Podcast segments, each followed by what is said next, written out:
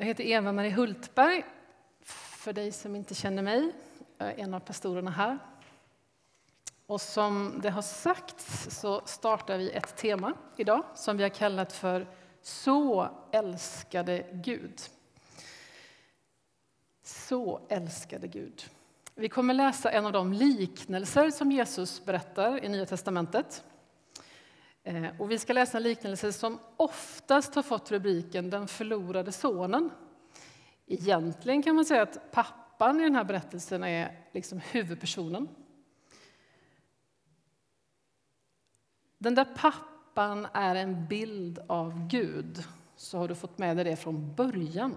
Det är liksom själva idén med liknelsen.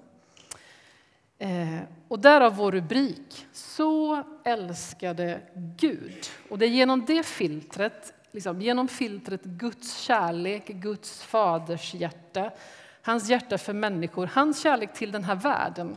Det är med det filtret du ska lyssna till den här predikoserien.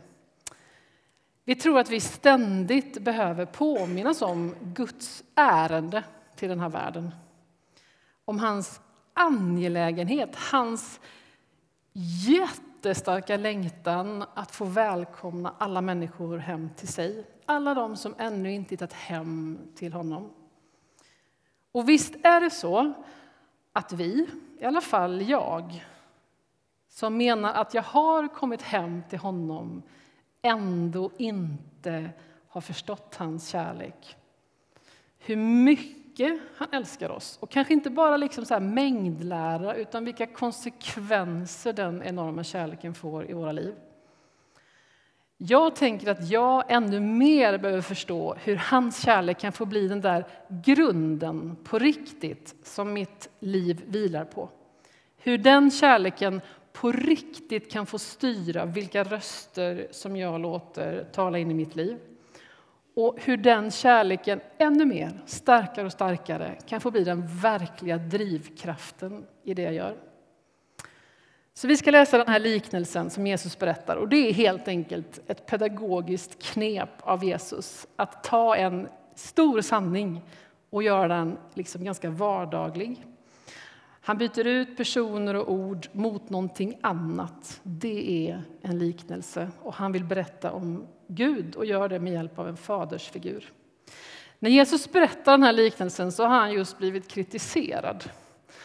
Han har blivit anklagad för att eh, lägga sin tid och sin kraft och sitt engagemang på fel saker, eller snarare på fel människor. Eh, på människor som inte anses vara så mycket, som inte lever som man ska. Och det är de religiösa ledarna i landet som anklagar Jesus för att hålla på med fel grejer. Han är med syndarna. Han är på fest hos dem, han äter med dem. Det är fel, menar man. Och Jesus säger på något annat ställe när han får liknande kritik, ja, men jag har ju kommit till dem som behöver mig. Jag har ju inte kommit till dem som inte behöver mig. Och vid det här tillfället i Lukas så svarar Jesus med den här serien av liknelser. Nu ska vi läsa från Lukas 15. Lukas 15 innehåller faktiskt till och med tre liknelser om något som är borttappat, bortsprunget och alldeles vilse. Och vi ska läsa den tredje, om den förlorade sonen, eller om pappan. Nu när vi läser den här, så lyssna särskilt efter vad pappan är med om. Du kommer tycka att jag inte predikar allt i den här berättelsen, men ja, vi har faktiskt en hel månad på oss. Så idag handlar det om pappan. Lyssna efter vad han är med om. Jesus sa en man hade två söner.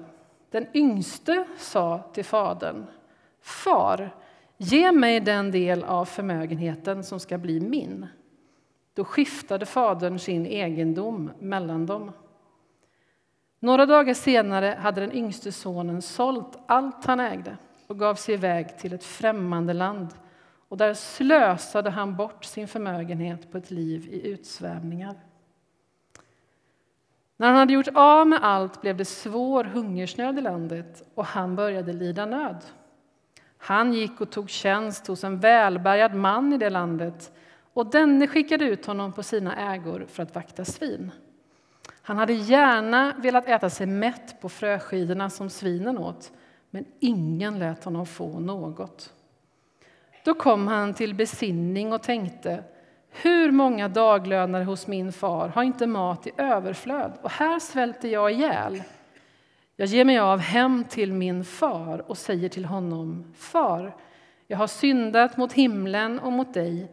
Jag är inte längre värd att kallas din son. Låt mig få gå som en av dina daglönare. Och han gav sig av hem till sin far. Redan på långt håll fick fadern syn på honom. Han fylldes av medlidande och sprang emot honom och omfamnade och kysste honom. Sonen sa, Far, jag har syndat mot himlen och mot dig. Jag är inte längre värd att kallas din son. Men fadern sa till sina tjänare, skynda er att ta fram min finaste dräkt och klä honom i den och sätt en ring på hans hand och skor på hans fötter och hämta gödkalven och slakta den så ska vi äta och hålla fest. Min son var död och lever igen. Han var förlorad och är återfunnen och festen började. Men den äldste sonen var ute på fälten. När han på vägen hem närmade sig huset hörde han musik och dans. Han kallade på en av tjänarna och frågade vad som stod på. Tjänaren svarade din bror har kommit hem och din far har låtit slakta gödkalven därför, därför att han har fått tillbaka honom välbehållen. Då blev han arg och ville inte gå in. Fadern kom ut och försökte tala honom till rätta, men han svarade här har jag tjänat dig i alla dessa år och aldrig överträtt något av dina bud och mig har du aldrig gett ens en killing att festa på med mina vänner. Men när han kommer hem, din son som har levt upp din egendom tillsammans med horor, då slaktar du gödkalven. Fadern sa till honom, mitt barn, du är alltid hos mig och allt mitt är ditt. Men nu måste vi hålla fest och vara glada, för din bror var död och lever igen. Han var förlorad och är återfunnen.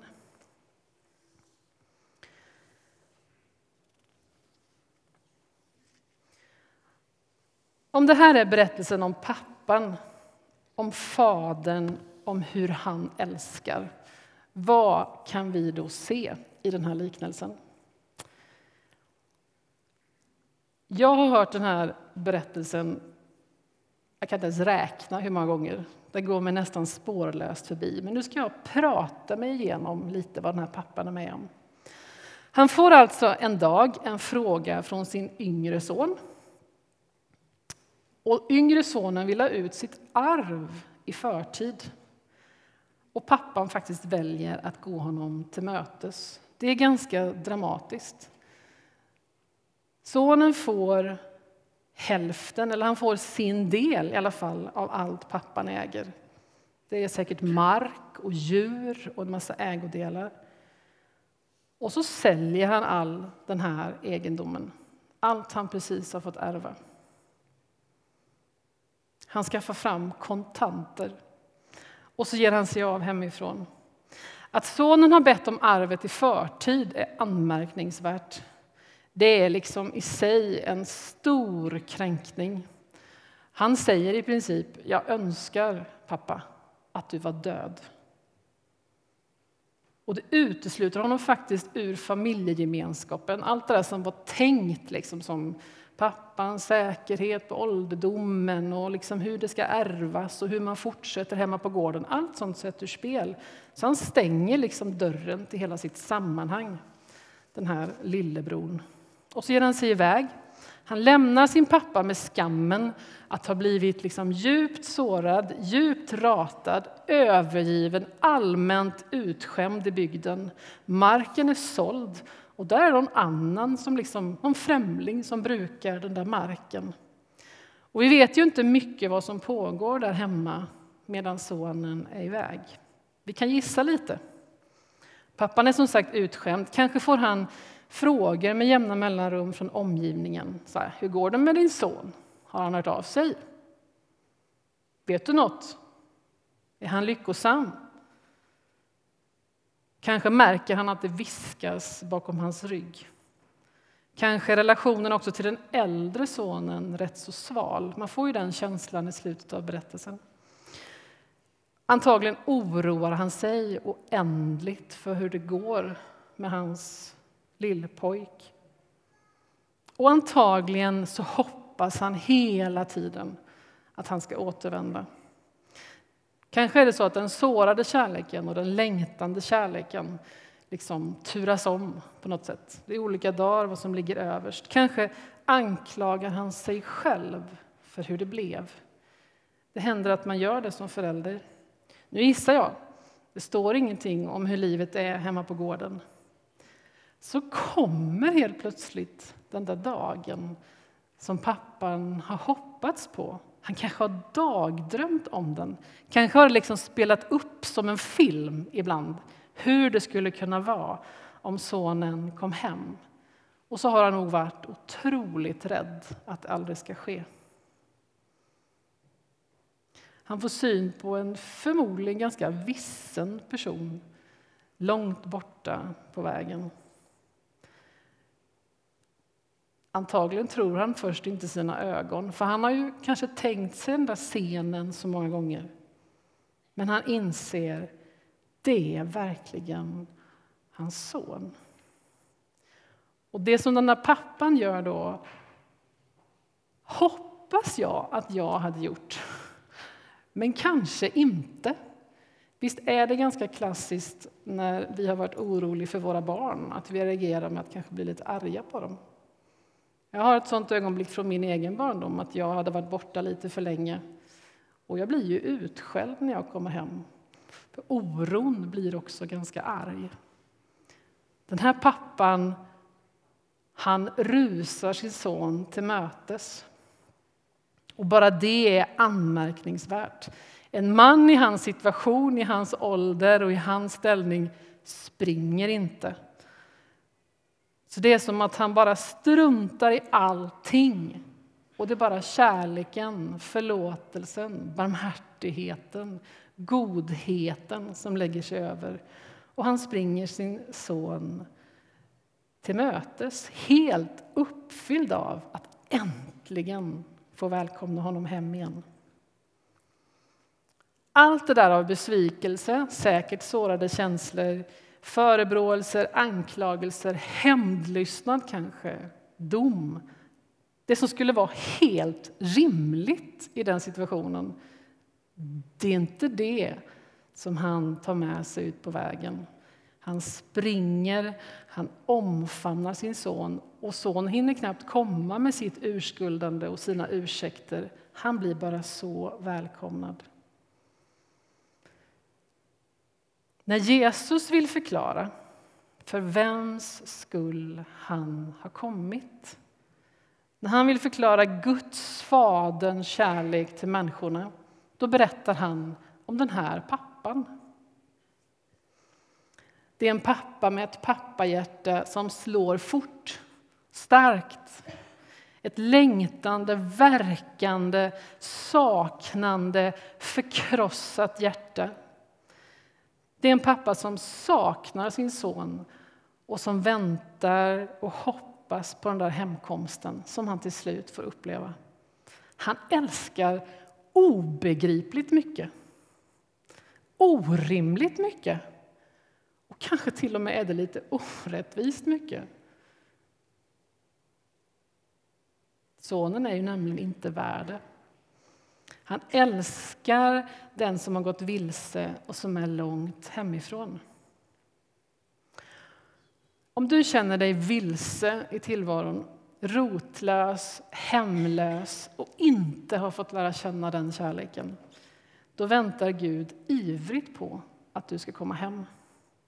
Att du ska vända dig till honom. Det kan du göra idag. Här. Nu. Du kan berätta vem du är. kan säga vad du heter. Det vet han redan. Han har ju väntat så länge. Du kan berätta dina bekymmer. vad som tog dig långt bort och vad som har fått dig att vilja vända hem. Och Gud kommer inte låta dig prata till punkt när du kommer med dina ursäkter, kanske. Han kommer berätta för dig att du är väntad, att han har längtat efter dig. I den här berättelsen så sätter pappan en ring på hans finger en fin mantel på honom och skor på hans fötter. Nu ska inte vi prata så mycket om sönerna. Vi pratar en sak om den här sonen. Han har ju tänkt att komma hem för att åtminstone ha det lika bra som pappans tjänare. Han får direkt skor på sina fötter, och det har inga tjänare. Han blir direkt liksom upprättad som son i huset igen. Så är den pappan.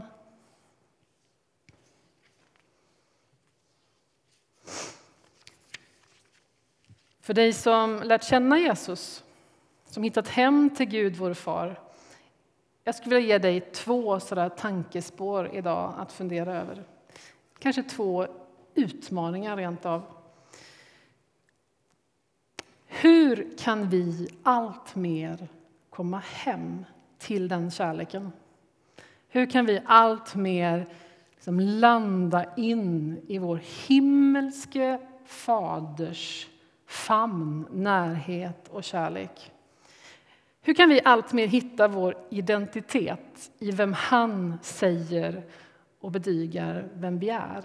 Hur kan vi alltmer ha vår grund i den kärleken så vi inte behöver jaga positioner och berömmelse och värde och motivation och identitet och mening i en massa annat eller i en massa andra?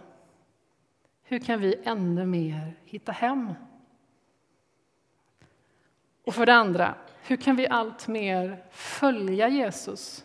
Han som i den här berättelsen berättar varför han kom till människorna. Hur kan vi allt mer älska som honom? Hur kan vi följa i den älskande Gudens spår? Härma honom, bli mer som honom, ha en attityd som honom, ha en grund som honom, ha en drivkraft som honom. Hur kan vi älska människor som han gör? Hur kan vi sträcka oss ut? Hur kan vi vänta och längta som han gör?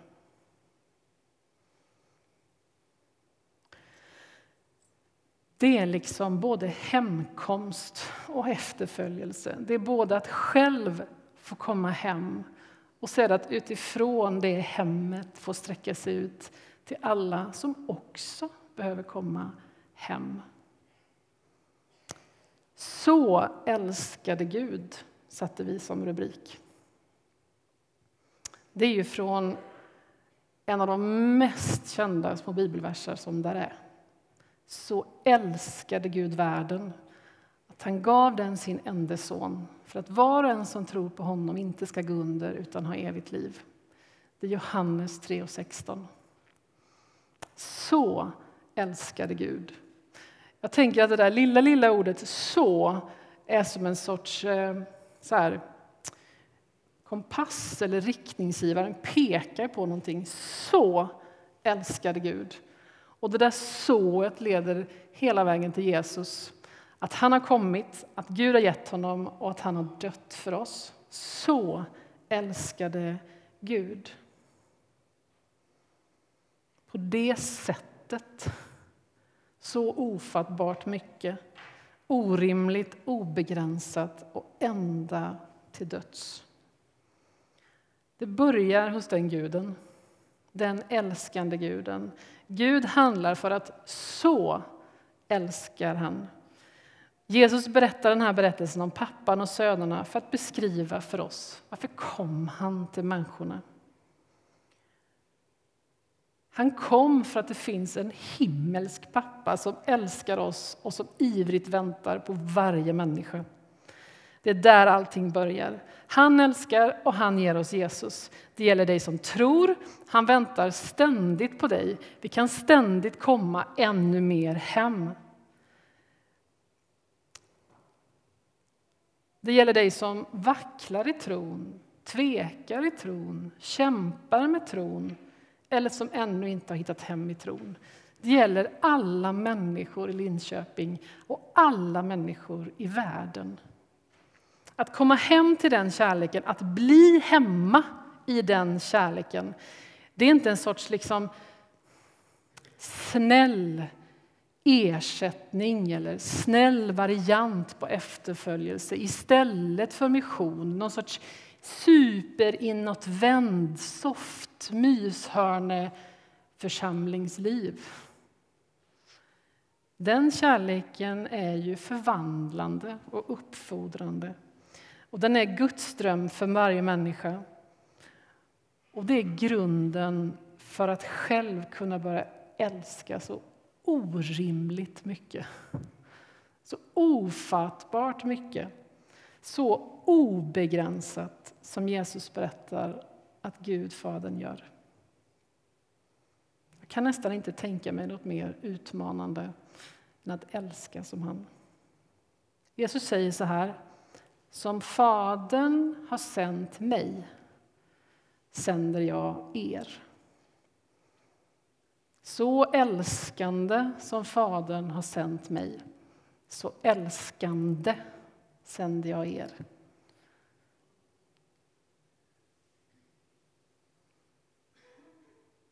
Ni är sända att älska den här världen. Vi ber.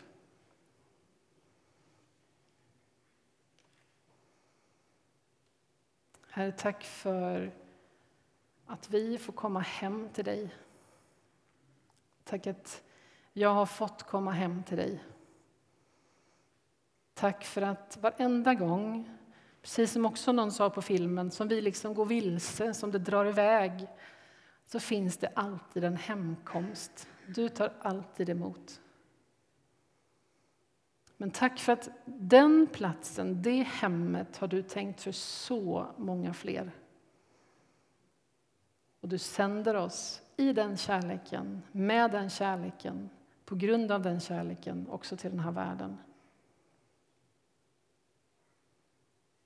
Tack för vad du, vår far i himlen, talar ut över våra liv.